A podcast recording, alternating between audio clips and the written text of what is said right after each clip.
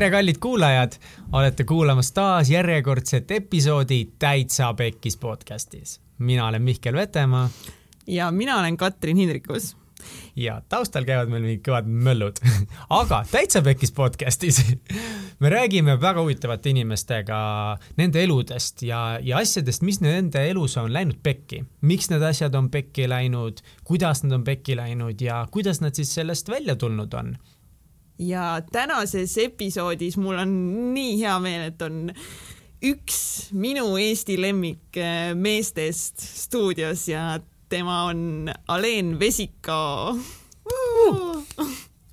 ja Aleen käis äh, külas meil ja me rääkisime Aleeniga tema muusikakarjääri teekonnast, tõusudest ja mõõnadest, kuidas ühel hetkel mõtles, et äh, kas ongi vaja neid lugusid teha ja kas sellel kõigel on üldse mõtet jaa, Stalin on teinud äh, muusikat, esinenud, käinud kontserditel, Eesti staaridega koos teinud plaate, kontserte, kõiki asju juba kakskümmend aastat. Ja selle jooksul on olnud nii mõnigi motivatsioonikriis ja nii mõni koht, kus tuleb mõelda, et kuidas edasi jah, Alen ütles meile, et kõik, mis me filmides näeme muusikute elu ja lavataguse kohta, vastab tõele et ta ei pea meile sellest rääkima, sest vaadake lihtsalt filme praegu kinos mitmed jooksevad, saime vihjetest aru.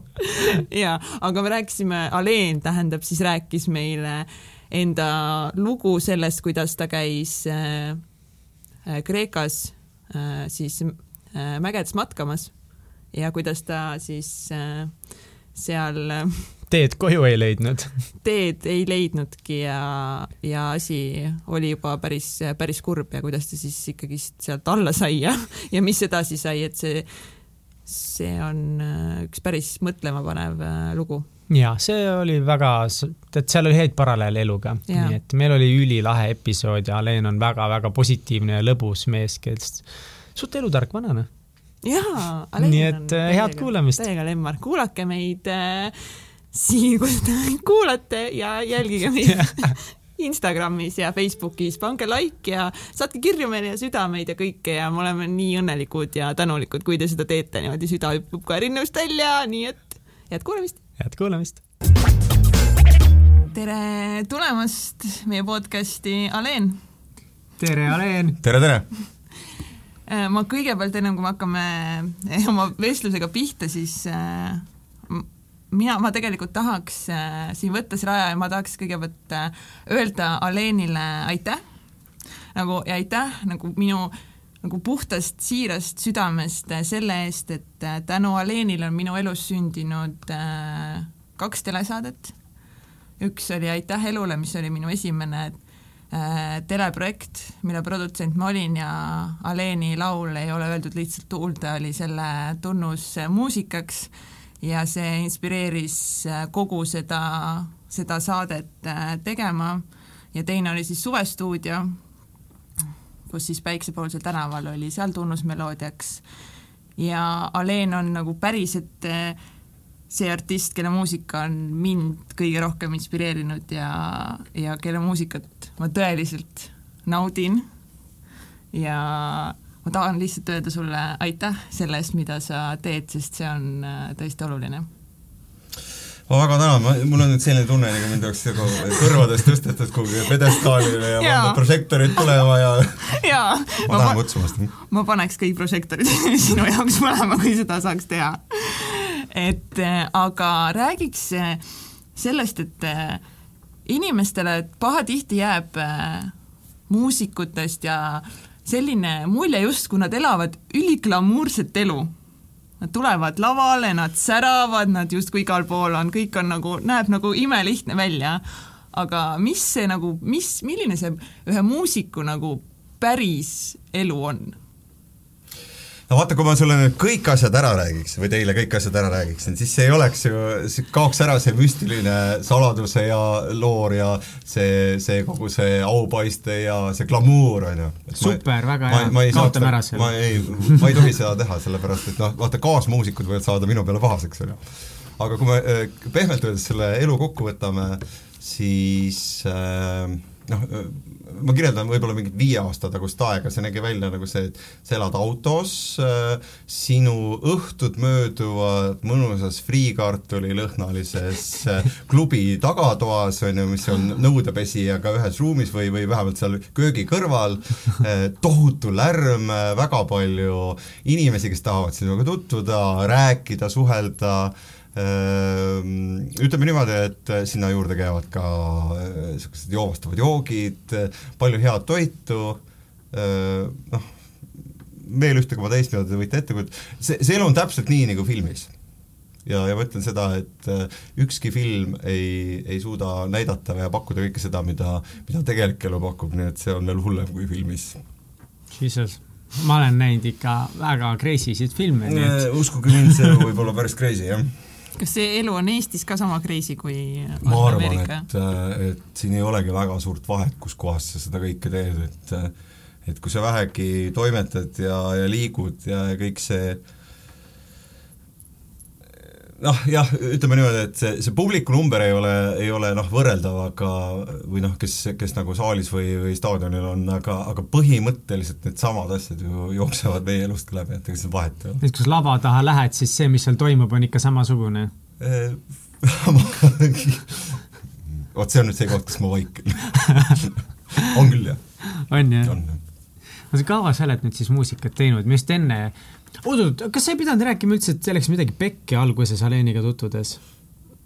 tahad ma rää-, jaa, mul tuli see lambist meelde. mis asi ühesõnaga, no ma, esiteks ma olen nagu Aleni muusikat juba ammu enne seda, kui me päriselt tuttavaks saime, fännanud ja kui mul tekkiski see mõte, et ma tahan teha telesaadet äh, aitäh elule, siis äh, ma sain Aleeni kontakti ja ma helistasin talle, et kas ta oleks nõus oma, oma loo andma ja nii. Ja Aleen muidugi oli kohe jaa, mis asja muidugi on ja ta-ta-ta. Ja siis meil oli vaja teha siis filmida tema see ülesaste, noh, filmida üles see laul, kus ta siis laulab, seda ei ole öeldud lihtsalt tuulde. aga mina siis algava teleprodutsendina mõtlesin, et see võiks alguses olla nagu seal äh, Stockmannis asuvas Cafe äh, Mademoiselle'is oli siit seal, on siiamaani selline kohvik. ja siis oli meil kohtumine seal Aleniga kokku lepitud, et ta tuleb siis, võtab oma pillid kaasa ja okei okay,, ma segan nüüd korra vahele. tähendab, esimene asi oli see, et see lepiti kokku lepitud Stockmannis, mina saabusin umbes pool tundi hiljem äh, Tallinna Televisiooni ukse taha ah, jaa, õige, ja see tagusin jalaga vastu uste, kus kohas on, siis tuli välja, et ma, ma polnud muidugi seda kirja lugenud loomulikult või vähemalt mitte niimoodi lugenud, et ma oleks aru saanud, kus kohas see toimub, siis ma jõudsin sinna Stockmanni ja siis tuli välja, et damn, täna ei tulegi seda filmi vist. mis oli iseenesest päris hea, sest ma olin üsna väsinud moega ja ütleme, see oli selline üsna raju periood minu elust, et et oli päris hea, et see sellel päeval ei filmitud seda lugu. miks teil ära jäi?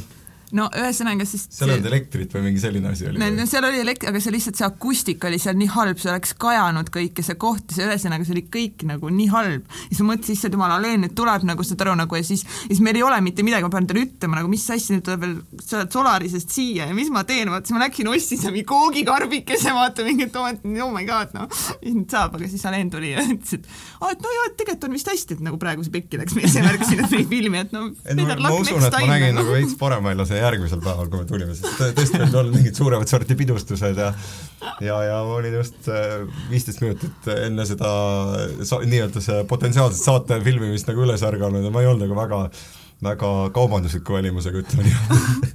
Ja vahepeal elus lähevad asjad, asjad nagu nii nagu nii, nagu nad peavad minema. ja, ja lõpuks me salvestasime väga nagu normaalses kohas, väga nagu hea, hea heli ja kõige, kõige muuga selle juures ja ja käisime Aleniga veel pärast äh, autistikakeskuses koos ja Keteriani olid seal ja Artjom Savitski ja teised veel ja et see oli nagu hästi, hästi tore projekt, mis me tegime. Mik-, miks sa võtsid sellest projektist nagu nii hea meelega, sest ma kuulsin väga palju sellest projektist, kuna Katsiga kogu aeg rääkisime ja siis ta muudkui kiitis sind ja teisi ja kõiki ja ma olen äh, mõelnud nagu seda asja niimoodi, et äh, nendel, kellel on, kellele on palju antud, nendel on ka vastutus paljut kanda ehk siis nagu mingitel hetkedel noh, sa ei saa ainult võtta seda kõike, et sa pead ka vastu midagi andma. ma pean tunnistama, et selle aja jooksul, mis mina olen muusikas olnud ja, ja võib-olla ka muusika telgi taga, mitte ainult lava peal, ma mõtlen, on olnud väga palju või noh, on olnud mitmeid selliseid projekte, kus sa saad aru, et või see tuleb hiljem välja, et noh, tegelikult neid artiste on ära kasutatud ja ja keegi on ikkagi nagu, see raha ei ole jõudnud sinna, kuhu ta peab minema ja no neid asju, no vaadake, internet on neid täis ja, ja meedia on neid täis. et noh, ma valin täna ikka väga, kui keegi helistab mulle, ütleb, et me tahame sellist või sellist asja teha, et mingi heategevusüritus on, siis, siis ma alati nagu uurin väga põhjalikult seda tausta. et noh, ei ole tõesti mõtet teha mingisugust kontserti või üritust ja siis lõpuks saadakse sellest kokku kakssada viiskümmend eurot ja tegelikult kulutatakse väga, väga palju ressurssi, et no lihtsam on see, et me, ma annan selle sada, kakssada viiskümmend eurot, annetan ise, et et kas selleks peab tegema mingisuguse ürituse aga see konkreetne projekt, no siin oli kohe näha, et ta on läbimõeldud, oli näha, et see jõuab sinna, mulle meeldis see teema, sest ma olen noh, ise nagu oma elus ka autiste varem näinud. ja see, see ongi tõsine teema, sellepärast et kujutage ette, kui teil on täiskasvanud mees kodus, kes vajab kakskümmend neli seitse hoolitsust ja kes ei saa mitte kunagi täiskasvanuks, kes ei saa mitte kunagi hakkama endaga ja, ja, ja see mõte, et luua täiskasvanud autistidele keskus no see on, no see, see ongi hea idee ja neid peaks olema palju rohkem ja sinna peaks rohkem raha suunama. aga no see on igavene probleem, me võime lõputult rääkida nendel teemadel. eks iga sektor või iga, iga äh, abi vajav äh, valdkond ütleb, et noh, andke see raha kõik meile ja, ja paraku see äh, selle väikse riigi eelarve on täpselt nii väike, nagu ta on, et mm -hmm. et aga ma loodan, et sellest oli nagu selles mõttes tolku, et me vähemalt äh, ma ei usu isegi selle, küsimus võib-olla ei olegi tihti selles rahas, vaid küsimus on selles probleemile äh, nagu tähelepanu juhtimises.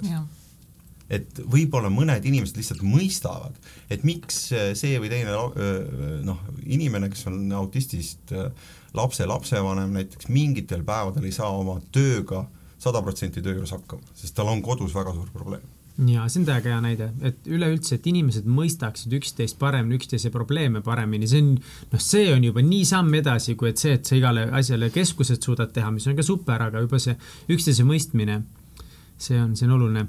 aga Aleen Vesiko, kuidas, mina tahan seda välja öelda nüüd lõpuks sulle näkku sulle otse näkku otse näkku. ootan huviga. jaa, kuidas siis kuidas sinust, ma lugesin seda, mis me enne, enne just tuli välja sa, sa arvasid, et su kodulehel pole üldse juttu sinust, siis me pidime sulle teavitama, et su kodulehel on neli lehekülge paksu teksti sinust ja sealt ma lugesin välja ka, et sa väga väiksest saadik juba patserdasid mööda teatreid ringi ja väiksest saadik peale oled muusika ja kõigega kokku puutunud. no kuidas sa ise mäletad enda jaoks seda muusikakarjääri algust?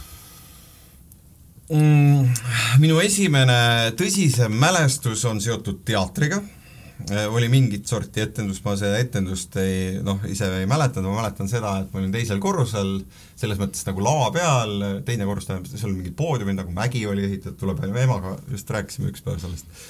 ja, ja ma mäletan, et seal oli mingi selline koht, kus läks äh, pimedaks kogu, ilmselt oli mingi see still, stillkaader, ehk siis vaikne stseen, et keegi kuskil midagi toimetas, kogu saal oli, kogu lava oli pime ja siis ma mäletan seda, kui ma teadsin, emme, ma olen siin, kus sa oled.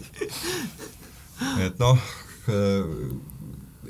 vist oli tegemist mingisuguse surematu sotsialistliku, sotsialistliku vabariigi äh, Äh, meistriteosega, kui ma õigesti olen aru saanud, siis äh, nimi võis olla Pahatuuri pruudikimp, mida iganes see ka ei tähenda et mul on niisugune, see on minu esimene mälestus nagu, nagu tõsisemalt, niisugune tugev lapsepõlve mälestus, mis on see, kogemata seotud teatriga mm. -hmm Äh, edasi sai veel mõned etendused tehtud jah, sellepärast et äh, minu ema töötas teatris ja, ja sellel ajal oli teater selline koht, kus sa astusid sisse ja käisid mööda teatrit ringi ja teinekord, kui etendus käis, siis me käisime laval või siis orkestriaugus või, või siis kuskil valgustajate juures. täna on kõik kohad äh, magnettukkudega ja kaartidega, sa ei saa sisse kuhugile, et isegi kui sa tahad kellelegi külla minna, pead sa võtma mingi loa ja linnavalitsusest loa ja ma ei tea, kust loa, et et, et jah, see, sellel ajal oli see vähe teistmoodi. aga kui sa olid selline noor ja hakkasid juba vaikselt oma niisugust iseseisvust saavutama, millest sa unistasid siis? kas sa mäletad, kas sa unistasidki just olla ise ka kõige selle keskes? ma üsna varsti või no ütleme niimoodi, et ma sain üsna ruttu aru sellest, et mina ei taha teatrisse minna tööle. Sest minu jaoks äh, tänu sellele, et ma olen seda telgitagust osa näinud nii palju, ei ole seda, sedasama, seda fluidumit või seda sära või seda salapära, mis nagu väga paljude inimeste jaoks teatri juures on, minul seda ei ole, sest ma tean, kuidas see teater on tehtud ja kuidas ta sünnib. Ja olen kogu aeg teadnud, muidugi noh, kui sa käisid jälle mingit etendust vaatamas ja mõni laulja laulis seal väga ägedalt ja rahvas skandeeris, et noh, siis tekib ikka see tunne, et tahaks ka mm. -hmm. aga see tahaks ka läks, mida aasta edasi, seda, seda rohkem see üle läks, et ja ega ma siiamaani noh, mind on küll nagu mingitel hetkedel kutsutud elus, et tule noh, kandideeri näiteks mõnda muusikalise rolli või ma ei ole nagu sinna jõudnud, et ma tahaks seda teha, võib-olla, kui üleüldse, siis ma prooviks võib-olla hoopis mõnda draamatükki mm nii et sa unistasid hoopiski muusikast? mina tahtsin lauljaks saada, jah. unistasid jaa, sellest? absoluutselt. kas unistasid nagu palju sellest kohe, kas sa tahtsid seda väga-väga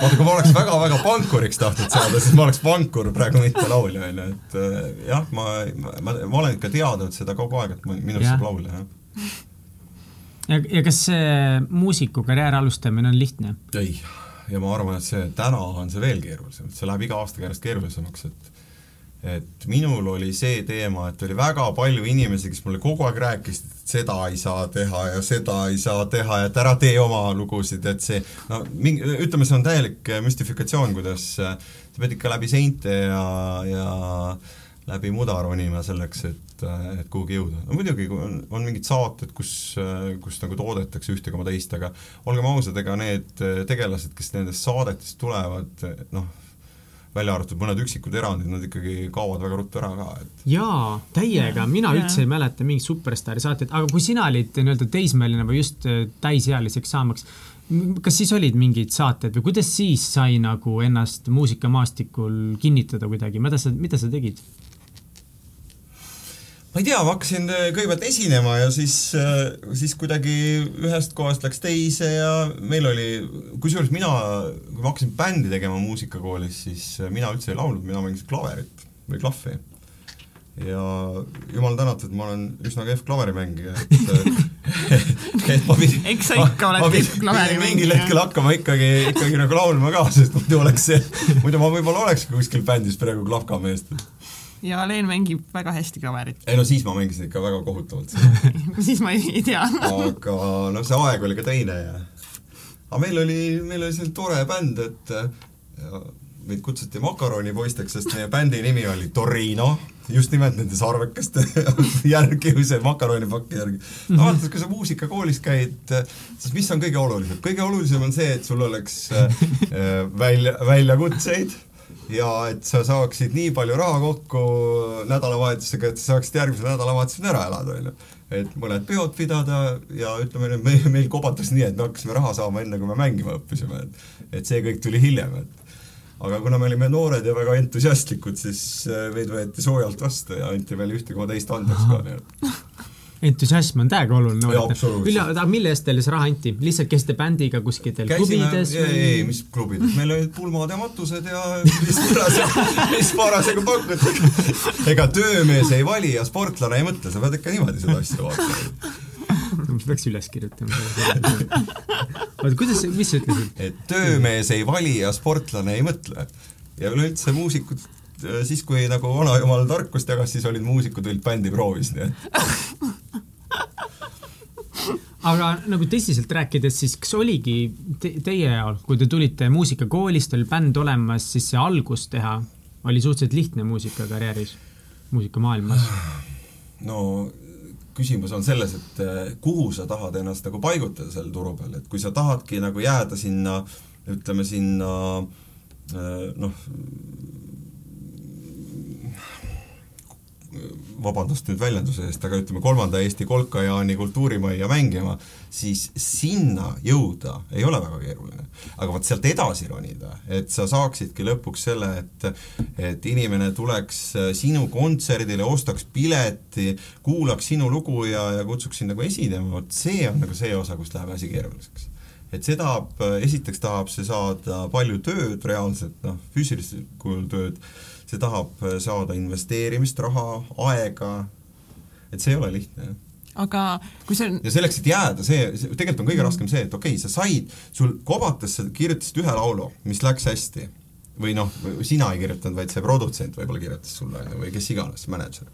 et, et nüüd, et sa oled nagu justkui nagu tipus ja, ja, ja kaua sa seal tipus oled, aasta, ja siis on kõik et aga kuidas, mis saab edasi, et mis saab järgmisel aastal, et kui, millega sa siis tuled, et kui sa oled nagu Nexus ja sa oled noh, mitu korda sa ikka seal kell kolm selle silla peal oled ühe korra oled kaks korda, kaks aastat ja, ja see saab läbi lihtsalt noh yeah.. ja sa pead nagu leidma selle järgmise, järgmise, järgmise.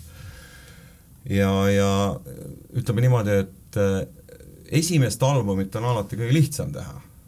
noh, maailma mõistes ka, et kui sa vaatad neid ühe albumi või ühe loo bände on ju väga palju. Aga, aga need tüübid, kes on ikkagi suutnud nagu midagi enamat, noh, neid on, neid ongi vähe. Minu jaoks on nii metsikult põnev sellised valdkonnad nagu muusikud või, või ka noh, ettevõtlus, et, et, et minu meelest teil ei ole nagu ette kirjutatud väga head süsteemi, ma õppisin reklaamiülikoolis ja oli suhteliselt selge oli juba see, et me pidime minema seal teisel aastal praktikale looma sealt kontaktid mm -hmm. ja siis eh, enamustel oligi võimalus minna pärast eh, ülikooli lõpetamist kohe ka nii-öelda kas siis uuesti praktikale või siis juba tööle reklaamagentuuri. ja sul on nagu suhteliselt ette kirjutatud, kuidas see läheb. loomulikult see alati ei lähe nii, aga no sa tead, õpid kolm aastat, teed kaks, üks-kaks praktikat ja siis reklaamagentuuri tööle ja plaksti järgmised kakskümmend aastat, on ju. aga kas muusikas on ka nagu enam-vähem ette kirjutatud muster, mida sa pead jälgima, et olla siis see vaat, mitte Kolkajaani mees. jaa, vaata, see, see on väga lihtne, on ju, kui sa lähed nüüd äh, sinna Amazoni, võtad lahti, et äh, kuidas kirjutada äh, maailma parimat armastuslaulu, siis sellest tuleb umbes viis miljonit raamatut, kus siis ameeriklased kirjutavad sulle kõik ette, et kasutades seda ja seda akordi, neid sõnu, umbes sellist tämbrit ja siis tuleb hitt. aga tegelikult ei tule, vot see, see jama ongi ehm no produktsiooni koha pealt ma ütleks nagu seda, et äh, ma olen lugenud ulmelisi asju, kuidas testitakse sadu ja tuhandeid lugusid enne, enne mida nad välja antakse ja ja kuidas seda, neid proovitakse laste peal, sest lapsed on hästi aus publik, isegi siis, kui nad ei, ei hooma see nii-öelda, nad tajuvad hoopis teistmoodi ja ja näiteks nende peal, kes ei oska keelt ja sest lugu peab nagu iseenesest töötama ka ilma selleta, et sa saaksid sellest sõnumist aru ja mm -hmm et aga ma arvan ikkagi, see ei ole tõde, et see, see lõpuks tuleb ikkagi mingi vend kitarriga, kes laulab kolm nooti, noh, Ed Sheerani puhul ma just olen alati toonud näite, et et kõik räägivad, et muusika on surnud, ei ole, üks vend tuli üksi, paneb no. kitarriga ja staadionid jooksevad kokku, et et äh, see miski on see, see, see, see ongi see, mille eest nagu inimesed on nõus raha maksma, et tulla sind kuulama. et seda valemit ei ole.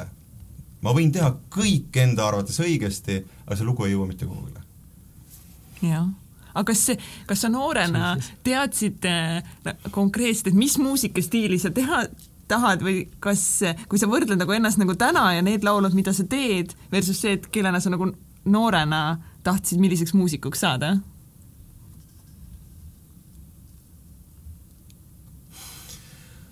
No minu repertuaaris on mõned laulud, mis on üsna, üsna vanad selles mõttes, et mis ongi kirjutatud kuskil või vähemalt need alged on kirjutatud sellel ajal, kui äh, kui ma hakkasin üldse nagu tõsisemat muusikat kirjutama. Äh, mul ei tulnud välja eestikeelne tekst ja mina arvasin, et no see oli muidugi see, see kahe tuhandendate algus ja ütleme, üheksa, üheksakümnendate lõpp oli üldse selline väga kummaline aeg, et väga palju lauldi inglise keeles ja, ja mina tahtsin ka ja kuidagi nagu inglise keeles, see, tundub sulle, et sul tulevad ingliskeelsed väga ägedad mõtted, ei tule, kullakesed, ei tule.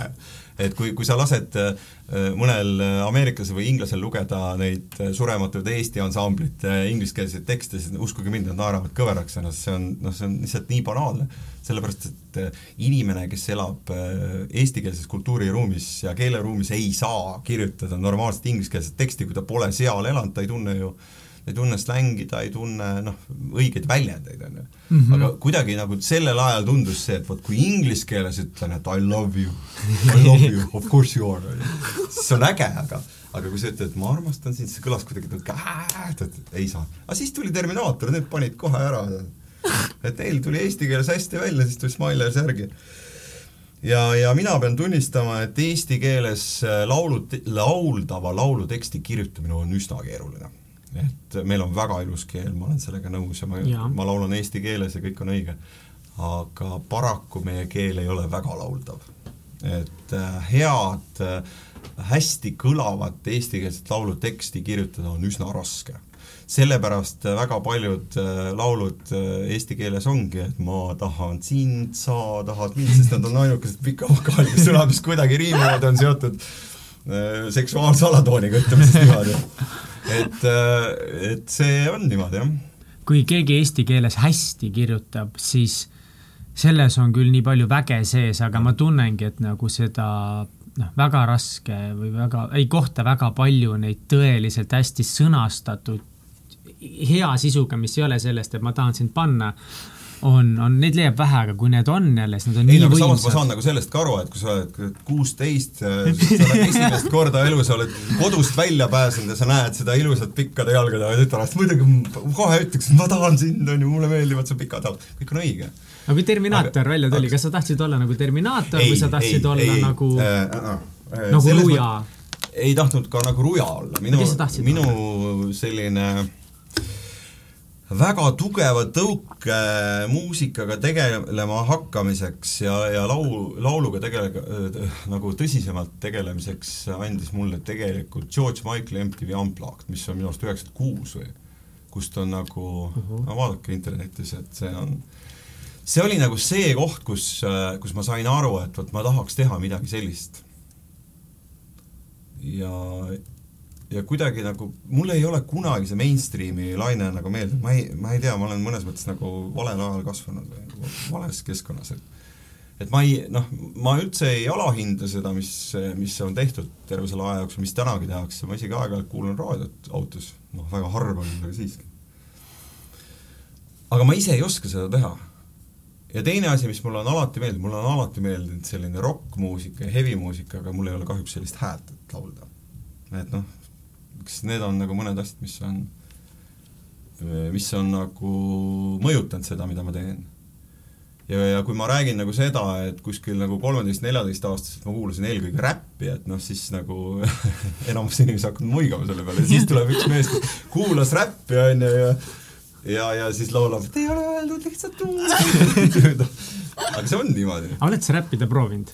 Või noh? ei ole, kuule, las see, tead. las tead, ma arvan, et maailmas on märgatavalt paremaid räppareid kui mina. mu laps ikka õpetab mulle neid räpilugusid, et mina ka mina ka. jaa, vot. no kas see muusik, eh, okei okay,, aga üks asi on see, et valida välja siis, mis on see sinu stiil, see sinu keel. aga ma arvan seda, et sa ei vali seda. see, see on, see, see tuleb äh, kuskilt mujalt, selles mõttes, et see kujuneb välja okay.. ma võin ju suunata seda ja äh, ja teha mingeid lugusid mingisse võtmesse, aga, aga ikkagi see, see üldine selline, noh, see tuleb iseenesest.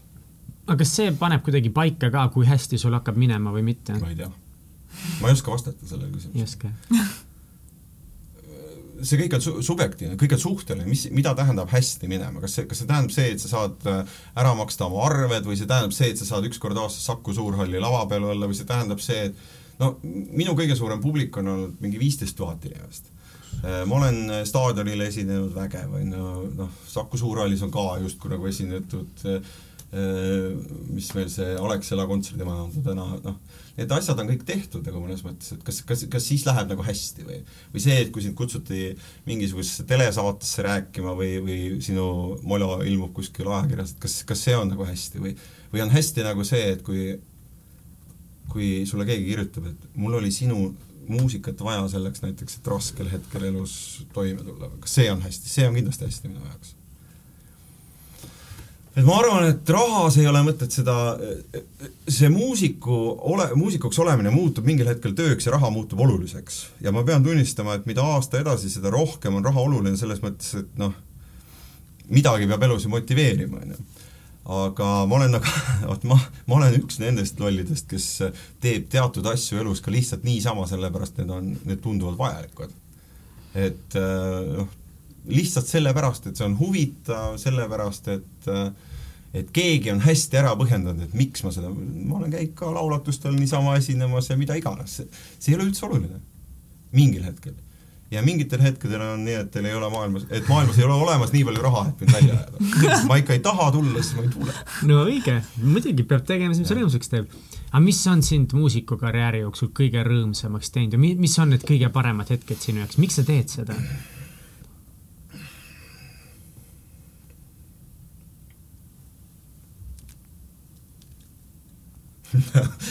jah, mul tuli praegu meelde, mul tuli praegu meelde, see oli umbes kümme aastat tagasi või, või natuke rohkem, ma olin, Tartus on teatrikohvik ja siis olid seal mingid esindamised ja ja pärast esinemist tuli minu juurde üks naisterahvas ja ütles, et mulle üldse ei meeldi, kuidas te laulate mis ma nüüd siis tegema pean, et lähen poon ennast üles miks te tulite siia siis? mulle üldse ei meeldi, kuidas te laulate, teil on nii halvad laulud ka. Läks minema see, see tekitas natuke nalja, onju. ma täna mõtlen täpselt samamoodi, et noh, mis ma siis tegema pean, ma ei oska midagi muud teha. aga mis, mis võib-olla on rõõmustanud? no ma tsiteerin nüüd või noh, ma, ma toon näiteks ühe Don Henley, kes on siis Eaglesi, Eaglesi selline juhtfiguur ja laulja, kes on Hotel California laulnud, on ju tema, tema ühes, ühel kontserdil räägib hea loo sellest, kuidas, et kui sa lähed pühapäeva õhtul supermarketisse, sa seisad selle lihaleti ääres ja seal tuleb eriti harvas, halvas versioonis Desperado lugu, siis sa tead you made it, vot see ongi see, et kui sa lähed sinna pühapäeva õhtul viimase inimesena poodi, et osta endale piima ja saia ja, ja hommikuse muna jaoks peekonit ja siis tuleb kuskilt päiksepoolselt tänavast, siis tead, et nüüd nüüd on olemas tehtud. tehtud, jah. aga kas sa tunned ise praegu, et nüüd või mingi ajahetk on olnud sinu, sinu nagu tippaeg või sinu nagu tipp on veel tulemas ja see on veel ees? ei, ma arvan, et see on läbi. miks? Sellepärast, et äh,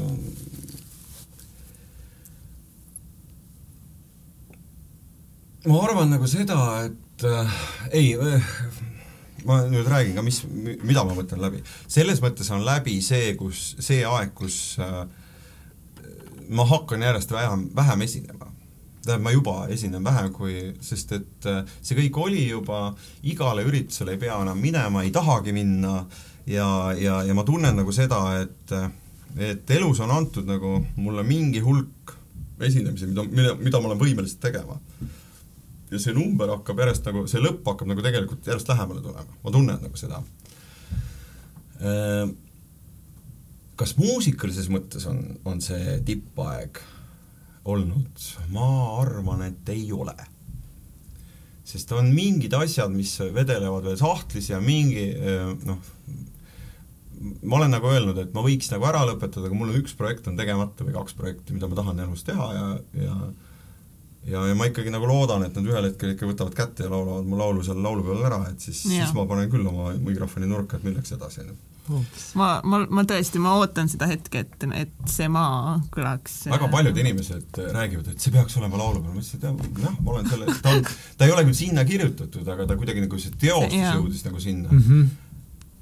et aga aga teisipidi ma nagu ütlen seda, et ma ei ole elus mitte midagi teinud selleks, et ta sinna jõuaks ja ma ei tee ka mitte midagi, sest see lugu kas läheb ise sinna või ta ei lähe üldse, et see on nagu noh, ma lasen asjadel minna nii, nagu nad lähevad. et kas sa nagu mõtled, et kui ta peab sinna minema jah, siis ta, ta läheb, läheb sinna mm. -hmm. et mulle nagu see osa ei meeldi, et noh, et tegelikult on võimalik ju esitada noh, lugusid sinna mm, -hmm. seal on ju, käib see konkurss ja ma võiks Aa. sinna muid asju ka võib-olla mingeid muid asju ma võiks sinna kirjutada, aga seda lugu nagu see oli nagu minu enda lugu, ma istusin konkreetselt ikkagi nagu ühel hommikul klaveri taha, ma panin selle kirja, ma isegi ei mõelnud, et see lugu kunagi nagu avalikuks saab, ma lihtsalt kirjutasin selle või noh, ma lindistasin üles, see kuidagi nagu hetkega tuli, nagu see muusika mul tuleb tavaliselt.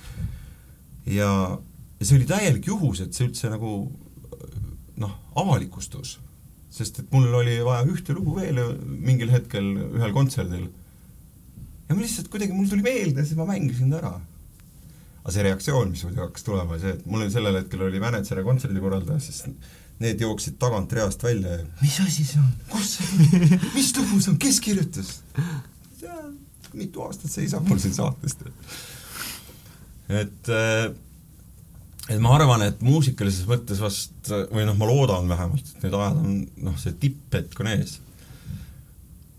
Aga kindlasti mingis teises mõttes on see kõik nagu läbi, sest see ei ole ka enam nii primaarne või see ei ole nagu enam nii oluline, see muusika on nagu üks osa, aga aga ma ei ela enam muusika nimel, nagu ma elasin näiteks kümme aastat tagasi.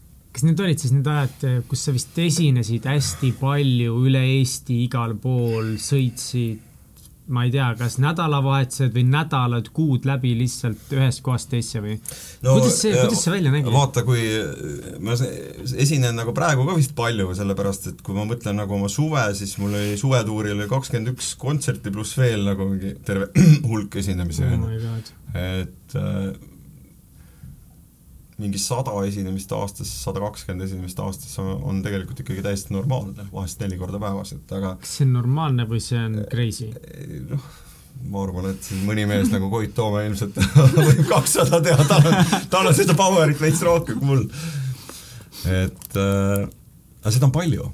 seda on palju. väga palju. ja ja siin hakkabki nagu, minu arust hakkab nagu see teema tekkima, et, et kui sa nagu mingil hetkel noh, sa nagu põled läbi või, seda motivatsiooni enam ei ole, et noh, et Jaak Joala ütles kunagi ikkagi nagu see, et äh, selle lause, mida me muusikud nagu üsna tihti kasutavad, et see kõik oli juba.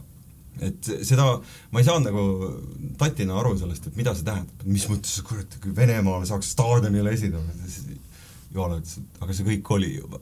et noh, et see, et naised, värgid, see, kõik oli juba, et et noh, see ongi nagu see, et et ühel hetkel saab see ring nagu täis, seal ei ole vahet, millises klubis sa esined või, või kus see pidu toimub või kas, kas neid inimesi on seal kümme tuhat, kaks tuhat, kakssada, kakskümmend, see ei muut-, see ei muuda nagu enam elus mitte noh, see ei oma tähtsust.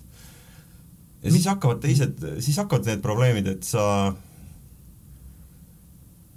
noh, ma olen ka tundnud nagu elus nagu neid, neid momente, kus, kus ma tunnen, et ma petan oma kuulajad sellepärast, et ma ei ole tegelikult sellel kontserdil kohal ja vot kui need, neid noh, vahest juht-, no ega see on paratamatus, et see, kõik päevad ei ole nagu vennad, aga aga kui sellised hetked hakkavad korduma, siis on võib-olla mõistlik nagu tegeleda muude asjadega ja vähem esineda. no sul on olnud elus neid hetki, kus oi, mul on, kui tuli Ei ole öeldud tuulde plaat, siis ma sõitsin Kreekasse ära, sõitsin kuuks ajaks puhkama ja ma mõtlesin, et kui ma tulen tagasi, ja kui ma ikka ei taha enam lavale minna, siis ma ei lähe ka. et mul oli nagu päris tõsiselt selline, see oli nagu selline murdekoht äh, mingis mõttes minu elus, kus ma kus ma ei teadnud, mis saab, ma ei teadnud, kas ma üldse tahan teada, mis saab ja, ja ma olin kuu aega, mul oli, kidra oli autos, noh, oma autoga sõitsin ringi, käisin kalal, ronisin mägedes, tegin huvitavaid asju. ja ma kordagi ei puutunud seda kitarri. ja, ja, ja ma nagu mingil hetkel tundsin juba muret, et noh, et tõesti ongi nagu noh, et teisipidi mõtlesin, et aga mis siis, noh, et elus on muid asju ka, mida võib teha ja ja kui ma hakkasin Kreekast ära sõitma, ma olin umbes äh, kakssada kilomeetrit sõitnud seal mööda seda kiirteed, siis mul tuli esimene muusikaline mõte, siis ma sain aru, et ei, üks plaat tuleb veel. See on et, äh, et see nii käib jah, täna ma ikkagi, täna tuleb üks plaat, tuleb veel, kaks tükki tuleb. sest ma, sest ma olen praegu ikkagi stuudiotöös nagu äh, järgmise plaadi musta materjali lindistamas, et wow., et noh, ühte koma teist tuleb, jah. ja alles üks plaat ju tuli nüüd. no see on ikkagi selline kontsertplaat, see on ja. midagi muud, et aga miks, miks ma nagu uurin ka seda või miks mind eriti huvitab see, et mida nagu näiteks sina, on ju, et, et milline see olukord sinu jaoks siis on, kui sa leiad, et sa pead ära minema, sest mul on viimased kümme aastat minu jaoks, ma olen peamiselt müüki teinud elus suhteliselt kõige rohkem ja ma, noh, mitte et sinul, aga mina olen nagu tundnud nii palju seda, kuidas äh, ma tõmblen ringi, ma näen nagu hullult vaeva, ma proovin erinevaid asju, ma, mind huvitab hästi ettevõtlus ja mul ei ole üldse see välja tulnud. ja, ja mõnikord ma nagu mõtlengi, et noh, et, et ma jõuan nii kaugele, jälle läheb pekki, ma jälle olen peole mitte läinud, ma jälle ütlen sellele heale palgatööle ära, sellepärast et mul on see teine unistus, siis mingi hetk ma nii väsin ära, et mul ei ole seda, mul ei ole seda raha, mul ei ole autot, mul ei ole seda aega, mul on see stress. Et kuidas sinu jaoks nagu see tunne oli, kui see aga kõik ma, tuli, mis sa tegid? ma küsin äh, sinu käest äh, sedapidi, aga kui sul on see raha, maja, auto ja see edu, ja see, ja sa jõuad ikka samba kohta välja, et aga see kõik oli juba, mis edasi saab? ja siis sa müüd need kõik asjad maha, lähed äh, metsa elama, et, et sul ei oleks mitte midagi. et noh, see on ka reaalsus. see võib olla. et, et see, see küllastumine, vaata, ma arvan nagu seda, et inimese elu võiks olla nagu üks teekond, on ju me kõik siin laua taga oleme nagu õppimisvõimelised inimesed, noh, on mingi hulk inimesi, kes nagu väga noh, nad istuvad ikka seal poe taga ja neile meeldib seal bussipeatuses ja ja nad ka mõtlevad, aga nad mõtlevad veits teistmoodi ja te, vähe teistsugustest asjadest, on ju. aga samas on jälle huvitav nagu nendega aeg-ajalt istuda, sest et eks, eks nende põhiprobleemid on ikka samad, mis meil, et kuidas saaks aga endale auto ja kuidas saaks aga süüa ja kuidas ikka see maja saaks korda ja aga no lihtsalt noh, nad ei tee selle jaoks mitte midagi, et, et see juhtuks, on ju, meie sinuga vähemalt üritame teha. aga milles aga need sel... muusika nagu need madalseisud, kuidas nad väljenduvad sinu jaoks, mida sa tunned siis? Kui sul on olnud see motivatsioonikriis või, või see, kuidas iganes sa sõnastaksid mm -hmm. seda kriisi?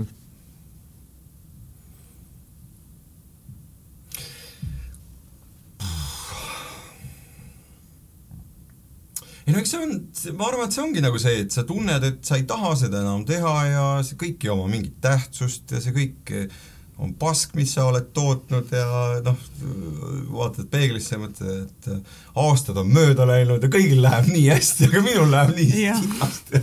et noh, tegelikult on see, et, et ja siis, ja siis sa saad kokku mõne oma sõbra muusikuga ja nad räägivad täpselt sama juttu, saad aru, et tegelikult läheb mul ilgelt hästi, on ju. et noh, et see eks äh, väljast paista-, vaata see ütlus, et äh, igal pool on hea, kus ei ole meid, on ju, et väljast paistavad asjad alati ja distantsilt paistavad asjad alati ilusamad, kui nad tegelikult mm -hmm. on.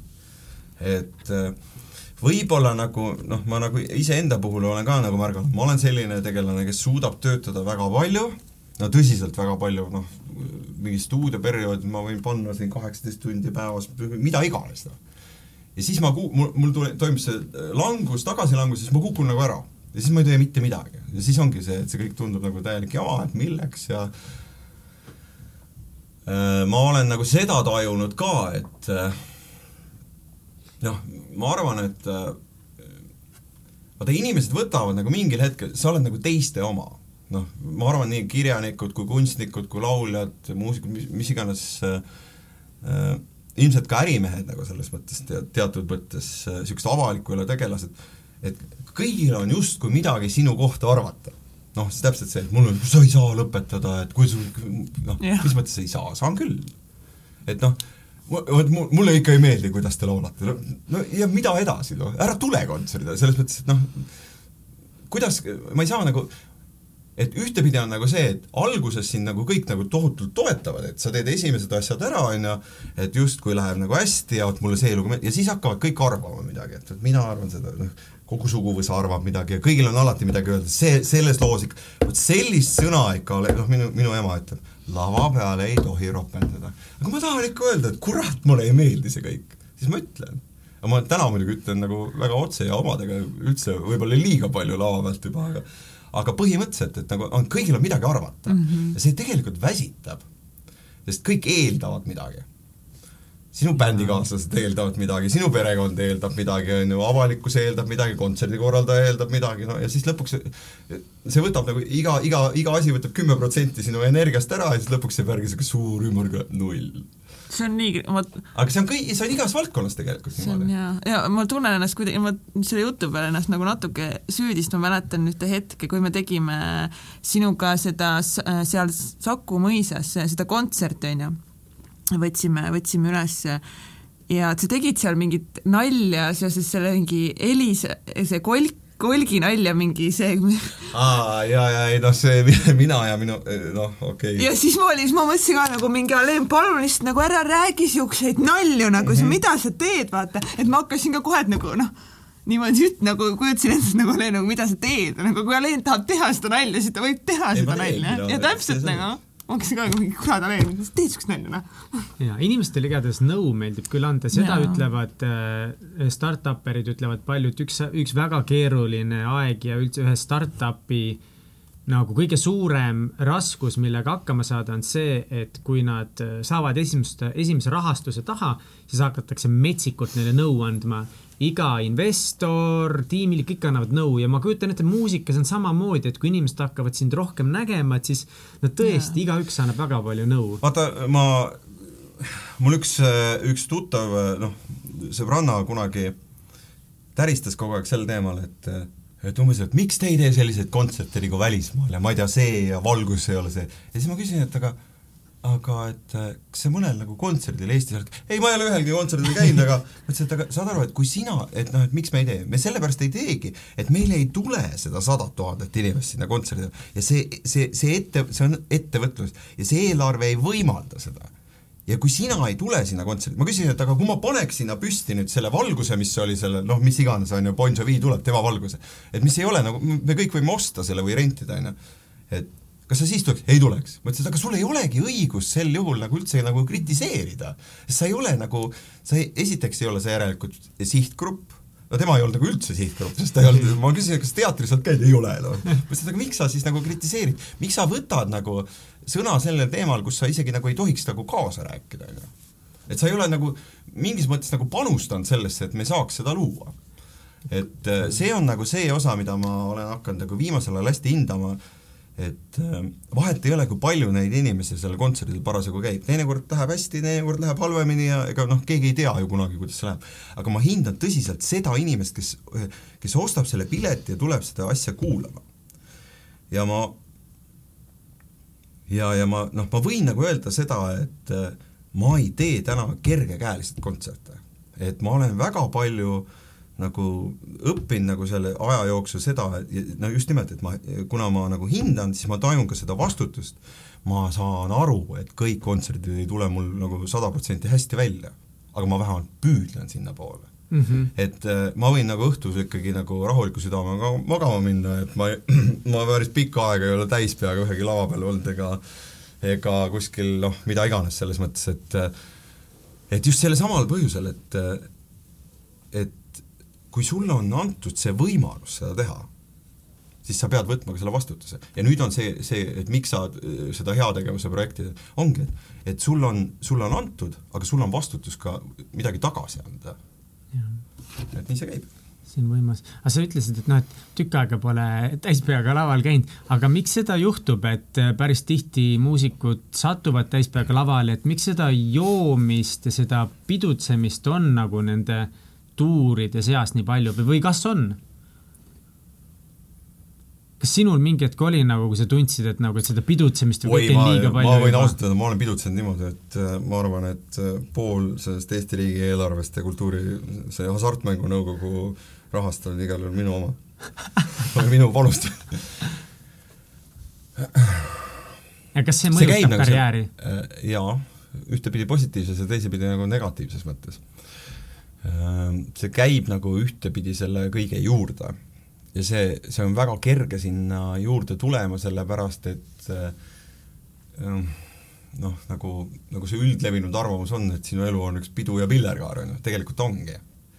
et ta saab nagu tööks võib-olla palju hiljem, kõigepealt on see pidutsemise osa ja see esinemine on nagu noh, lihtsalt see käib juurde sinna, on ju. siis on nad kuidagi fifty-sixty balansis, ju, ja siis lõpuks on see, et sellest saab sinu töö ja sa hakkad sellesse nagu väga tõsiselt suhtuma, et et äh, mina julgen öelda, täpselt nii, vaadake filme, noh, kas siis see nagu see väsim või noh, ma kujutan ette lihtsalt, ma ei saa aru, kuidas te jõuate, nagu ma joon ühe õlle, mingi üks pidu, ma olen nii väsinud, aga te panete Saab nagu jutti, ma olengi nõrk, ma olengi nõrk. sa ei olnud nõrk see on nüüd olnud. aga, aga see pidutsemine väsitab ära ja see toob ka inimestes nagu neid motivatsioonikriise või? või see pidutsemine ise ei mõjuta nagu seda? jaksu teha edasi muusikat mm,? no sõltub palju pidutseda, vaata, noh, et äh, mina olen nagu naljaga pooleks öelnud, et ma olen elus joonud ühe korra, et see kestis mitu aastat et äh, noh, täna mul sellega probleeme ei ole, aga aga on olnud jah, selliseid perioode, kus ütleme niimoodi, et on saanud nii, nii mõnedki ööd-päevad kaotada oma elust see kuidagi tuleb sinna juurde mm. -hmm. ja, ja, ja noh, nii ta on ta. aga miks sa otsustasid äh, siis nagu lõpetada nagu Sellise või? Sest need on, need on väga, noh, eks igaüks jõuab nagu ise sinna, et miks see, miks see või noh, öeldakse, et vaata, igaüks peab oma vannitäie alkoholi ära jooma, et noh, ma jõin ilmselt kaks ja ja, ja ja, ja mingil hetkel ongi nagu see, et kui sul, sa ikka oled nagu, sa seisad nagu selle koha peal, kus tuleb nagu mõelda sel teemal, et mis edasi saab, et kas, kas, kas see on nagu see, see koht, kus nagu edasi minna või siis äh, või siis edasi juua nii-öelda või, või hävitada ennast ära, et kustutada ennast ära, noh. siin ei ole isegi oluline see, mis, mis see motivaator on või see sütik või, või mis mi,, miks sa seda teed, et ma nagu, ma nagu olen tundnud nagu seda, et et see kõik kasvas nagu nii üle pea, kogu see, ma ei tulnud nagu emotsioonidega enam toime ja ja esimene asi on see, et äh, sa haarad nagu selle alkoholi järele ja siis äh, noh, sinna tulevad veel mingid asjad juurde ja ja, ja sa üritad nagu ennast nagu välja lülitada ja ühe korra üritad ja teist korda üritad ja kolmandat korda ja siis sa oledki lõpuks nagu ainult välja lülitunud olekus, on ju. et äh, noh, mina, mina tegin omad valikud ja nii on hästi ja minu meelest see on ikkagi, aga see on hämmastav sinu puhul või, või väga, väga positiivne, et sa oled teinud üle kahekümne aasta utimuusikat, aga ikkagi nagu stabiilselt. ma küll saan aru, et sul on olnud neid hetki, kus sa oled teinud pausi, sa oled mõelnud asjade üle, aga sa oled ikkagi nagu stabiilset, head, ilusat muusikat tootnud kakskümmend aastat jutti. et see on, tundub, sul on see tasakaal ikkagi alati lõpuks välja tulnud kuidagi, et sa ei ole nagu need superstaari omad, et tulevad korra ja lähevad kiirelt ja nojah, aga vaata, ongi see, et ma olen nagu ise tahtnud seda teha. et ma arvan, et tihti need äh, noored ei, ei hoomagi nagu seda, mida see tegelikult endaga kaasa toob, sest ma ütlen ausalt, esimesed kolm-neli-viis aastat on see vägev maailm, see, see on vinge, kuidas kõik see käib ja ja, ja meil veel läks selles mõttes väga hästi, et me, meil oli tõesti nii palju raha, et me ei, noh, Eesti mõistes nagu noh, ma teenisin nädalavahetusega oma ema palga, no noh, te võite ise arvata, mida see tähendab. taksod sõitsid ja tüdrukud möllasid ja kõik oli normaalne, noh. nii peabki. aga, aga noh, see, ega mingil hetkel ongi see, et see saab otsa, no selles mõttes mitte, see võiks jätkuda, aga sellel ei ole enam mõtet, sellepärast et see kõik oli juba. ja siis Jaa. hakatakse mingeid muid äh, asju elus otsima ja mida sa annaksid inimestele, millist nõu sa annaksid, et nii muusikutele kui kellelgi teistele, kes on siis selles kohas, kus nüüd tuleb nagu mõelda, et, et mis edasi, et see kõik on olnud? ma ei tea, ma ei ole mina see inimene, kes peaks, peaks sellele vastama. ma, eks igaüks peab ise nagu selle äratundmiseni jõudma. aga ma võin nagu enda, ma võin nagu enda näitelt nagu selles mõttes ikkagi nagu öelda, et äh, võtke üks mägi, ronige sinna mäe otsa, uskuge mind, kui te sinna üles jõuate, kui see mägi on piisavalt kõrge, et siis, siis te olete jõudnud kõik oma elu asjad ära, läbi mõelda ja, ja, ja jõudnud võib-olla ka mingisugustele otsustele. ja kui te ei ole ühe korraga jõudnud otsusele, siis ronige veel paar mäge, et te lõpuks jõuate sinna, sest sest äh, meil on võib-olla selles ühiskonnas nagu üks probleem veel, et meil ei ole aega nagu iseendasse vaadata. Ja, ja ma, ma ütlen ausalt, et et isegi siis, kui ma kõnnin äh, siin mööda metsi koeraga ringi ja ja, ja võib-olla kõnningi päevas vahest kakskümmend viis kilomeetrit, siis see, see nii-öelda see tsivilisatsioon eh, surub nii peale, et ma näen nagu iga, iga kas või iga viie kilomeetri tagant mõnda maja või mingit asja.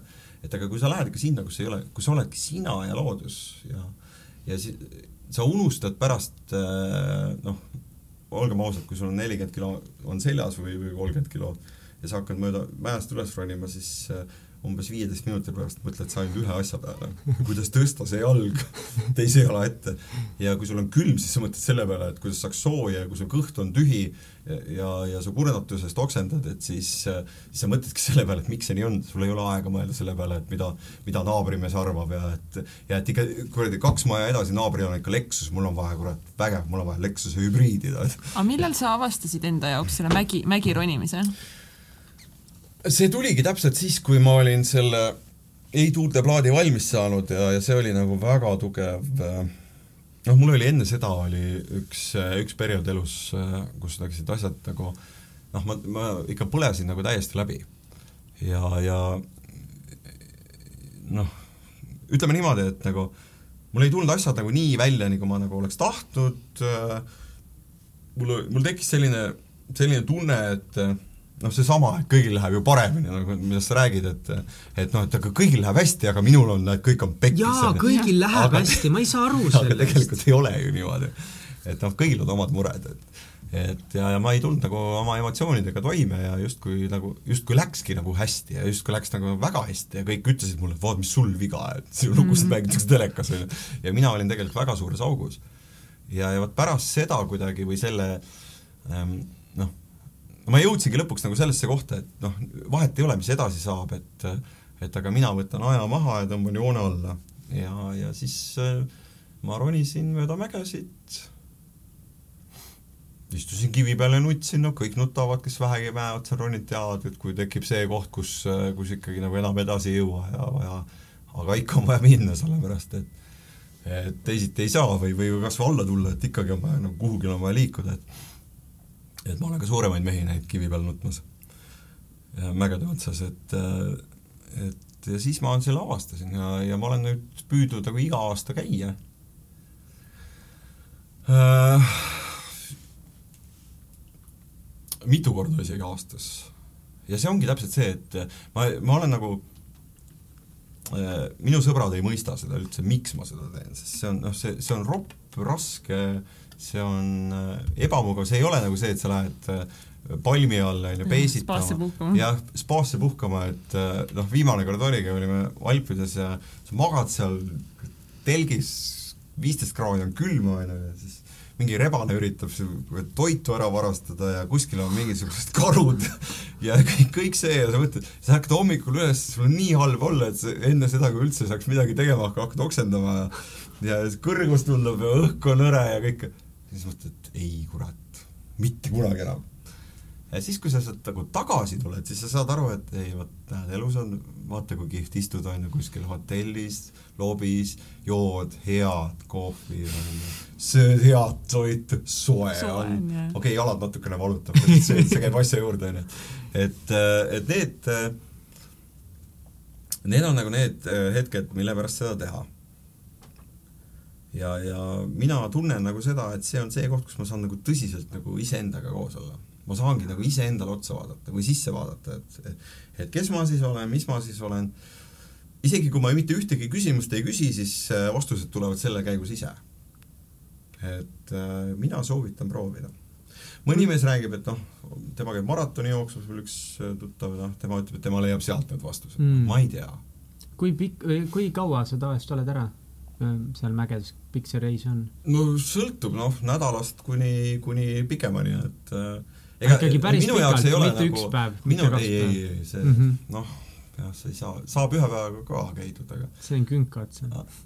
aga minu jaoks isegi nagu need kõrgused kui sellised ei ole nii olulised, kuivõrd oluline on see protsess ise, et, et ma ei ole üldse väga kõrgetes kohtades käinud, et noh, aga, aga mulle noh, ma olen lihtsalt nagu ma olen nagu, ma olen seda tüüpi vend, kes ronib siis nagu suvalise mäe otsa, et mitte see, et, et me lähme kõik nagu mööda mingit rada, vaid ei, et ma lähen ikka sinna, kuhu mina tahan minna, nii kuidas mina tahan minna, et see, see on nagu noh, ühtepidi on see nagu huvitavam, teistpidi on see ka natuke ohtlikum, aga sa oled üksi seal või? no üldiselt mitte.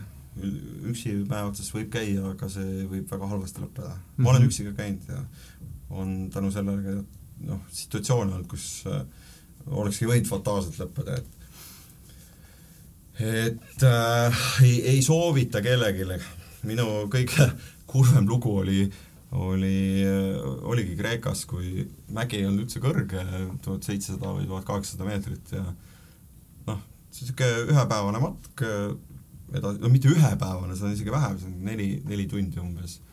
ja ma eksisin nii ära, et ma läksin mäe otsast alla et lihtsalt ühel hetkel see matkarada, mida mööda ma läksin, lõppes ära ja ma vaatasin, et ah, ma saan siit üles, et ma lähen üles, et ülevalt siis nagu noh, et ilmselt on nagu näha, sest seal oli tähistatud rada, see ei olnud mingi suvaline koht. aga mingisugune kohalik äh, proua näitas mulle teed, aga ilmselt äh, ta oli turistidest nagu nii siiber, et ta juhatas mind kogu aeg see oli see, see oli see viimane teekond ilmselt. ja, ja, ja ma ronisin üles, sain ära, aga ja, ja sa oled nagu mäe otsas, sa näed küla, mis on tegelikult üsna lähedal, sinna võib-olla kaks tundi aega, et, et pääseda. aga sa ei saa sinna, sellepärast et seal kõik kohad on sellised põõsa, põõsaid täis, mis on nagu see nii tugevate okastega, et noh, nagu viirpuu, aga noh, nagu lühemad, ühesõnaga nagu läbimatu. läbimatu ja siis ma noh, kuna mina nagu väga kõrgust ei, niimoodi otseselt ei karda, siis ma tulin lõpuks eh, ühest purust nagu otse alla. ja no ma ei soovita seda mitte kellelegi teha. Et aga, aga noh, valikuid ei olnud, sest mul oli juba nagu mitu tundi vesi otsas ja, ja noh, ütleme niimoodi, et eh, seal oli, seal oli üsna soe ka, seal oli üle kolmekümne kraadi oli, all oli sooja, et et äh, lõpuks oli nagu see, kas kõik või mitte midagi, siis ma istusin, mingil hetkel oli selline noh, kümme-kaksteist meetrit niisugust mõnusat kaljuseina, mis mulle iseenesest väga meeldis. Siis istusin seal ja ma olin nii väsinud, ma mõtlesin, et ma noh, jalad kõlkusid üle selle ääre ja vaatasin siis seda surematut, surematut äh, küla ja siis ma mõtlesin nagu selle peale, et ma peaks tegema pildi et ma peaks tegema sellest hetkest siin pildi, kus ma istun ja et, et et kui ma seda pilti ei tee, siis ma pärast kahetsen, aga ma ei suutnud ennast motiveerida, et võtta noh, mul oli väike seljakott, seljakoti siit pealt telefon või fotoaparaat ja teha üks pilt. Selja tagant nagu jah, siinsamas, noh, et mis nagu praegu tunduks nagu normaalne, et, et, et liigutada see kä-, käsi siia teha see pilt ära ja panna sinna tagasi. lihtsalt mul, mul ei olnud enam nagu seda, ütleme nii, et mott oli maas veits, aga ja, ja ma lihtsalt ei jõudnud. Ja siis äh, oligi nagu see, et istusin seal ja ma sain aru, et noh, et ma saan sealt põhimõtteliselt alla, kui kui ma ei kuku, et kui ma kukun, siis ma kahjuks, noh, mul ei olnud nagu, ma läksin matkama selles mõttes, mul ei olnud mitte midagi, mitte ühtegi köit, mitte midagi. Et äh, ma, see pidi olema jalutuskäik üles, et ma vaatan ära mingisugused äh, noh, nad kutsuvad neid draakoni majadeks, ma Kreekas on, no need on mingid pühamud, mis on ilmselt on hiinlaste poolt äh, omal ajal püstitatud mägedes, no põhimõtteliselt on nad sellised suured kivitahvlid või koopad nagu noh, iidsest ajast, no keegi ei tea, miks nad on seal, aga arvatakse, et on mingid pühamud ja et ma pidin neid minema vaatama ja see oli see, et pensionäridele sobiv retk aga see retk, noh see läks väga teistmoodi. läks väga teistmoodi, et noh, ma tahangi nagu sinna jõuda, et et sul võivad nagu sellised asjad juhtuda täiesti lambist, et sa ei tohiks üksi minna. aga mina istusin siis seal, kõlgutasin oma jalgu, ei suutnud nagu, ma ei olnud umbes kolm, kolm tundi kindlasti või neli tundi mitte midagi joonud, noh, täiesti silme eest must. ja siis ma sain aru, et kui ma nüüd siit alla ronin, no ma pidin hüppama sealt ka päris korralikult, et ma tagasi enam mitte kunagi siia ei saa, et ja juhul, kui seal tekib veel mingisugune selline koht, kust ma enam nagu üle ei saa mm, -hmm. et siis on nagu pehmelt öeldes pekkis. et noh, siis oleks pidanud hakkama nagu helistama, õnneks oli seal, seal all oli noh, või tähendab, levi üldiselt on päris hea mägedes ka, et päris kaugele, no vähemalt Euroopas mm. -hmm. et isegi, isegi Türgis oli isegi, isegi kuskil kolme kilomeetri peal oli täitsa võimalik helistada normaalselt. et eh, jah, Itaaliast rääkimata. et eh, ja siis ma mõtlesingi nagu seda, et noh, et mis sa siis teed, et ikka proovid ja ja tegin oma hüpped ära, ronisin alla ära ja lõpuks ma, lõpuks olin ma nagu omadega nii läbi, et et ma nelja käpukesel kuidagi roomasin minema ja jõudsin kitsekarjuse juurde kellel oli niisugune udupeen džiip, siis eh, noh, ma läksin tema juurde, ta muidugi ei saanud öödega mütsi aru, et kuidas mingi vend tuleb kuskilt täiesti udu, udupõõsast välja, et no sealt mitte keegi ei liigu mitte kunagi. ja siis ainuke asi, mis ma võisin talle näidata, see tühja veepudelit, siis ta vaatas mind, siis näitas kitsaid öid, et võta sealt vett, ma võt-, aga uskuge mind, ma jõin nagu niimoodi, et ma pole elu sees nii hästi joonud ja siis, kuna kreeklased ei räägi ühtegi keelt peale kreeka keele, siis ta vaatas oma autot, vaatas mind, vaatas seda küla, küla oli umbes niisugune kaks kilomeetrit eemal. mul oli jalg oli seotud äh, puuoksaga kinni, sest ma, mul põlv enam ei lukustunud, ta oli nii, no ma ei saanud nagu astuda ja ma tulingi nagu niimoodi sõna otseses nagu sõjaveteran sealt ära. ja siis ta vaatas mind tükk aega, näitas seda autot, ma ütlesin, ei, kurat, kui ma nii kaugele ise ronisin, siis ma ronin oma autoga ise. ja siis äh, ma jõudsin auto juurde ja siis ma vaatasin auto peeglisse, siis ma sain aru, aru, miks ta niimoodi ehmatas. mind nähes. sest mu pea, mis on üsna niisugune ovaalse kujuga, oli muutunud niisuguseks korvpallipalli suuruseks, ma olin nii paistes näost, et nagu niisugune miaatšik oli peas. et noh, selli-, täiesti süütus kohast võib juhtuda absoluutselt kõike, et äh, noh, see lugu võtab minu arust elu väga hästi kokku. ja, ja vot, vot kui sa oled nagu selle ära teinud, on ju, sa tuled sealt tagasi, vaata usu mind, vot siis hakkavad nagu noh, siis see, et naabril on Lexus, ei ole enam oluline. siis ei ole üldse oluline mm -hmm. mitte midagi, siis hakkavad oluliseks muutuma see, et näed, sul on kodu ja sul kõht on täis ja ja noh, hingad ja ise liigud ja et see tänulikkus on nagu oluline, et saada nagu, aru, mis jah. on need, need väiksed väärtused on väga suured väärtused. no need on tegelikult jaa, me kipume ära unustama lihtsalt selle kõik. ja, ja minu jaoks ongi probleem ka see, et see Instagram ja kõik see vahepeal tekitabki vale arusaama sellest, mis see elu aga on. aga sa anna Instagrami paroolid ära, nagu mina tegin. kui sa ei tea, mis Instagramis toimub siis see, see, saad aru, see ei ole, see ei ole mingi, pära-, pärast teraapiat ei ole see sinu jaoks mingi probleem. ma võtan sult Instagrami blokid ära sul ei ole Instagrami enam ja kõik on korras. põhimõtteliselt. ja siis sul ei ole enam võrrelda kellegagi oma elu. jah ja, siis ei ole võrrelda. sa ei näegi seda ju. ma hakkasin praegu aga... niisugustest tegema, ma kirjutan nagu äh, märkmikuks ülesse, no ma olen seda mingi paar korda teinud, aga millest ma tänulik olen. et ah, enne, endale jälle meelde tuletada, et väga palju häid väärtusi on elus ja väga palju häid asju on elus ja ja tuleb nagu nendele keskenduda.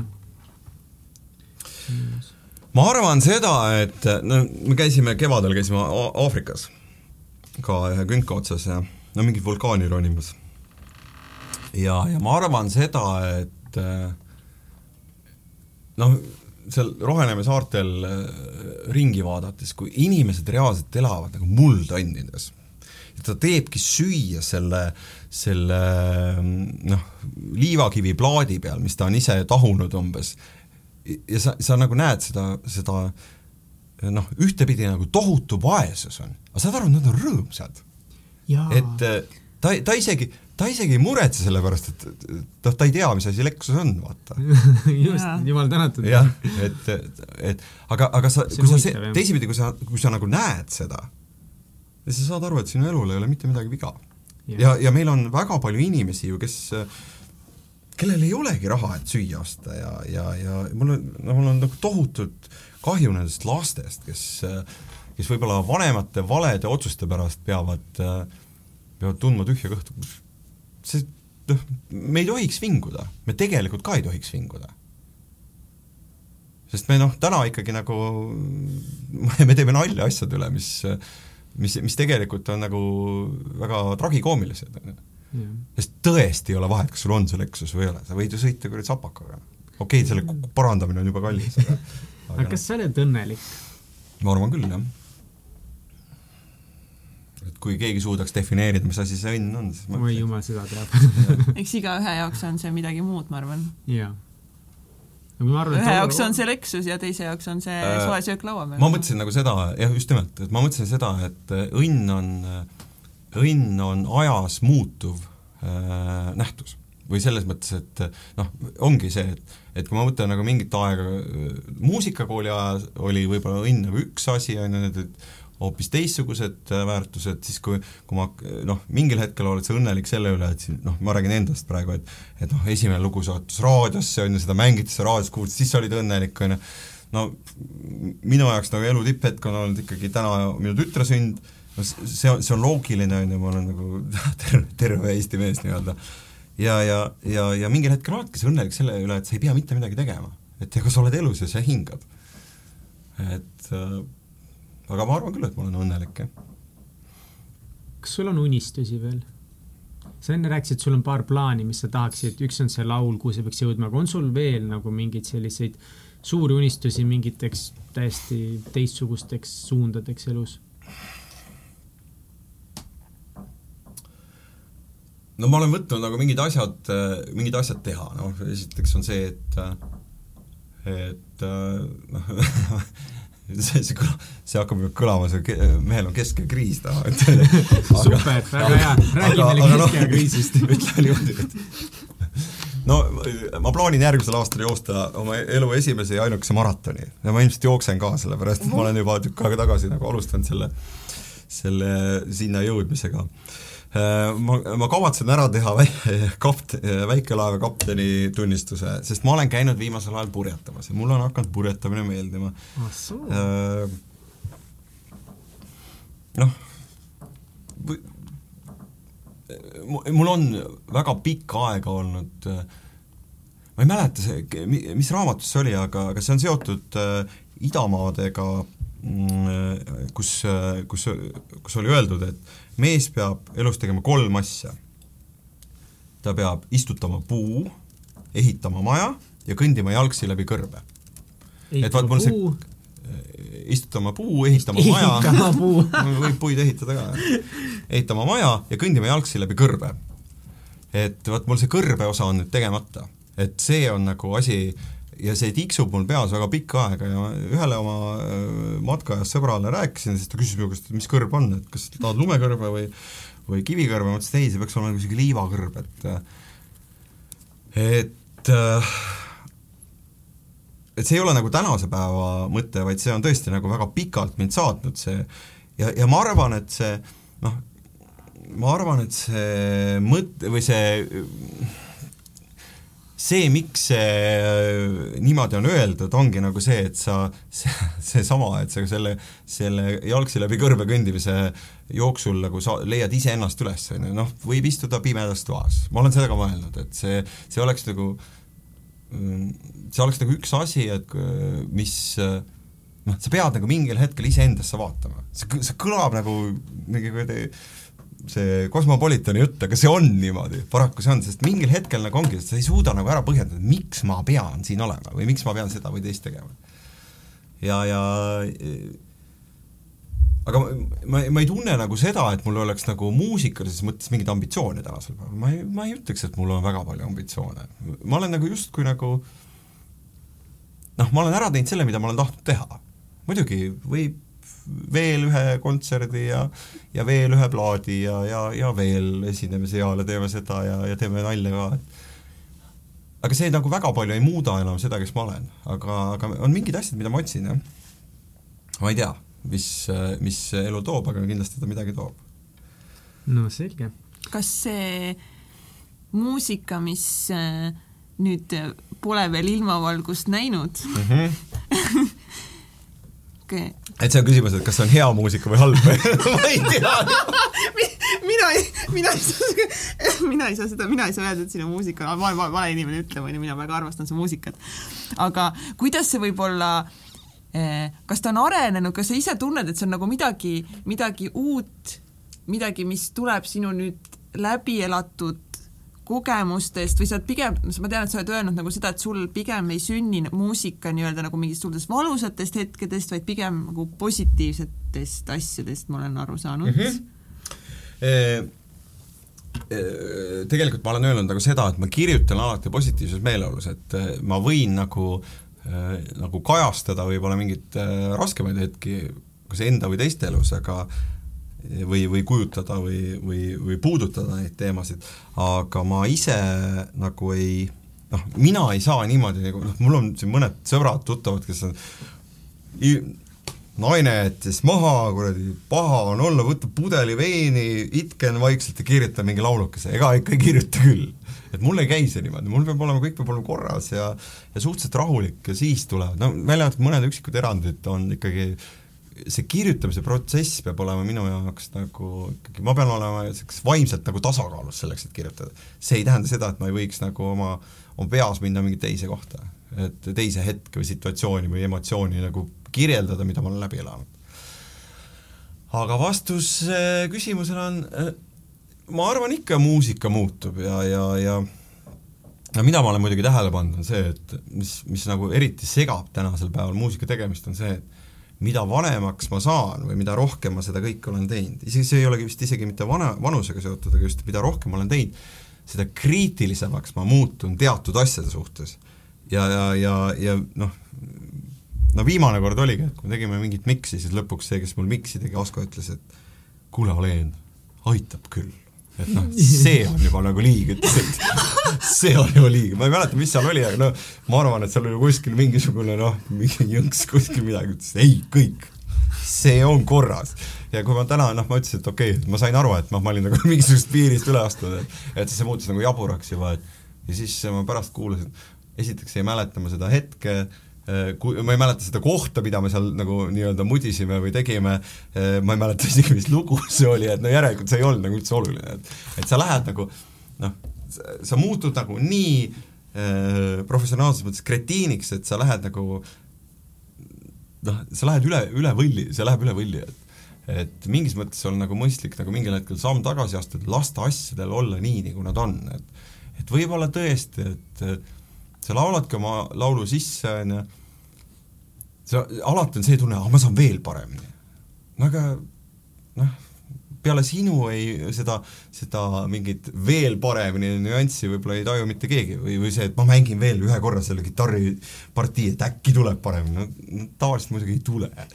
et lõpuks on ikka see, et kõige esimene jääb ja, ja et noh, ongi, et see, sa nagu lähed, see, see on nagu noh, mõnes mõttes on see nagu elu ja surma küsimus kogu aeg, et sa pead nagu kõige, kõige, kõige ja siis tuleb mingi vana mees, ütleb mulle, et ütles mulle, et Ain, aga see kõik ei ole mitte mingit tähtsust, mis, mis sound'iga see sollik seal on. lugu kas töötab või ei tööta. et kas ta on hea lugu või ei ole. et ja, ja mingis mõttes nagu ongi seesama, ei ole öeldud Tuulde, noh, selle trummid said salvestatud koridoris. Nad kõlavad kõige halvemini üldse, mis on võimalik.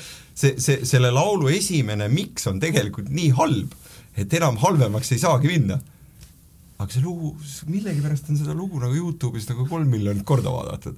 Et noh, noh, mis siis on oluline, et kas see on, paneme veel ühe vindi üle või, või ei ole ju loeb see ikkagi see ini-, see emotsioon, mida inimesed see, kogevad, seda, seda, mida, mida, mida ma tunnen, mida ma tunnen ja see, et kas mina ju ei kuule tegelikult nagu täpselt neid trumme, kas see nüüd see noot seal mm -hmm. oli see, mina ei kuule, mina kuulen seda sõnumit, seda, seda viisi, seda, kuidas sa laulad seda. ei, see oli, see oli jah, see oli, need trummid lindistati mingis sellises sõna otseses mõttes mingi tööstusruumi või tööstushoone, mis koridoris, kus oli, võib-olla oli kaks kardinat äh, akna ees, ja nad kõlavadki väga halvasti, andke mulle andeks, aga aga nad kõlavad, see lugu on õnneks noh, vähe paremas versioonis ka lindistatud hiljem, aga aga aga samas nagu seda raadiot mängivad siiamaani seda, seda vana versiooni ja no, mitte midagi ei juhtu, noh, räägib, nii peab olema, et meil ei ole mõtet nagu üle, üle mõelda. meil on äh, külalistele äh, kas juba ongi mõnegi läbi? Äh, mõeldud niisugused asjad nagu välkküsimused. mulle ja, alati välkküsimused meeldivad. ja oi-oi-oi, niimoodi hakkame välgutama kohe. ja minu esimene välkküsimus on, kas sul on olulisi rutiine või harjumusi, mida sa järgid kas iga päev või iga nädal või, või kauem? jaa, mul on väga konkreetne rutiin. iga hommik ma ärkan, lähen Nii. suspede peal palja kõhuga välja, lasen koeraga välja ja siis me mängime koeraga jalgpalli palja kõhuga, hoolimata sellest, kas on väljas külma või ei ole. täna hommikul, aa jaa, okei okay., täna hommikul naabrimees vaatas mind küll nagu vähe, vähe imelikku, sellepärast et tuul oli ja, ja kolm kraadi oli sooja, aga aga ma olen harjunud sellega. see on niisugune karastamise protsess ühesõnaga.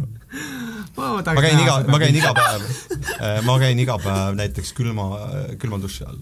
miks? sellesama, ma olen harjunud sellega, see käib nagu, ma ei ärka enne muidu ülessegi mm. -hmm. ja, ja ma hea meelega käin ka talvel ujumas wow,. Nice. milles sa väga hea ei ole? ma ei oska eesti keeles kirjutada. ma ei oska kõva häälega lugeda ma olen düslektik ja düsgraafik. düsgraafik olen ma nagu päris tõsiselt. ja, ja ma mäletan minu, no see on mingi, mul on mingi ajutõrge päris, kõik naeravad seda, aga mul, mul oli koolis nagu kogu aeg sellega probleeme ja ja, ja minu muusakoolis minu eesti keele õpetaja küsis, Olen, sa ei ole ju rumal inimene, sa loed raamatuid, et kuidas sa ei oska seda sõna kirjutada, ütles ma ei tea, aga ma ei oska. et see on tõsine jah. ja, ja näiteks üks, üks põhjus, miks mu äh, miks minu noh, klassikalise klaveri õpingutega välja ei tulnud, oli, oligi nagu see, et sellel hetkel, kui pidi hakkama loodist lugema pala, võõraid palu, siis minu jaoks lõppes nagu see asi ära, sest ma ei ma ei olnud võimeline seda tegema. ja, ja ma olen aegade jooksul noh, kuna ma loen ikka üsna palju, et et ma olen aegade jooksul üritanud nagu kõva häälega lugemist nagu deklameerimist nagu selgeks saada, aga mitte niimoodi, et kes see nagu ei, kui sul on ikka ajus kramp, siis sul on ajus kramp ja ja ma saan aru, et Norra kuningale või kellele õpetati kõva häälega lugemine selgeks saama, mulle vist mitte. see oli lahe film, jah. mille üle sa kõige uhkem oled oma elus? oma tütre üle, kindlasti mis on kõige pöörasem asi elus, mis sa teinud oled ja kas sa teeksid seda uuesti? Tuut, tuut, tuut. täna ei teeks on vastus. oh my god, ma tahaks nii hullult teada, mis see oli. see, see on raudselt mega crazy. mul tuli, mul tuli, see, see on piisavalt crazy, uskuge mind, neid on mitu oh. kui sa ütled veel niimoodi ka. jaa, siis on nagu mingi ära parem üldse, ütle, et ma ei ole midagi teinud. mul tuli praegu meelde see, kuidas äh, Vox Populisse või Vingu Viiulisse keegi helistas üks vanem taha, mina ei taha, et Eesti, et Mart Laar saab Eesti Vabariigi peaministriks, selle peale saatejuht küsis, et aga miks te ei taha? ei taha ja kõik, tuut, tuut, tuut, täpselt see. aga kas, kas, okei okay,, nagu selge, ei räägi, fine muidugi, aga see on seotud siis äh, nagu selle muusikukarjääri ja selle Kriside see, see on seotud sellega, mida te filmist äh, saate vaadata, jah, ja raamatust lugeda. okei okay., no selge äh,. skaalal ühest kümneni, kui imelik sa oled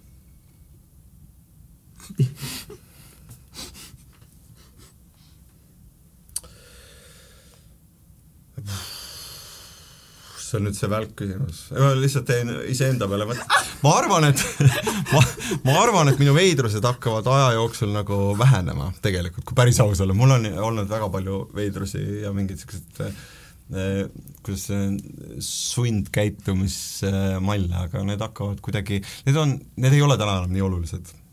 et ma, ma pärast teraapiat ei ole see minu jaoks probleem. Ma ei ole küll teraapias käinud, aga põhimõtteliselt. selge.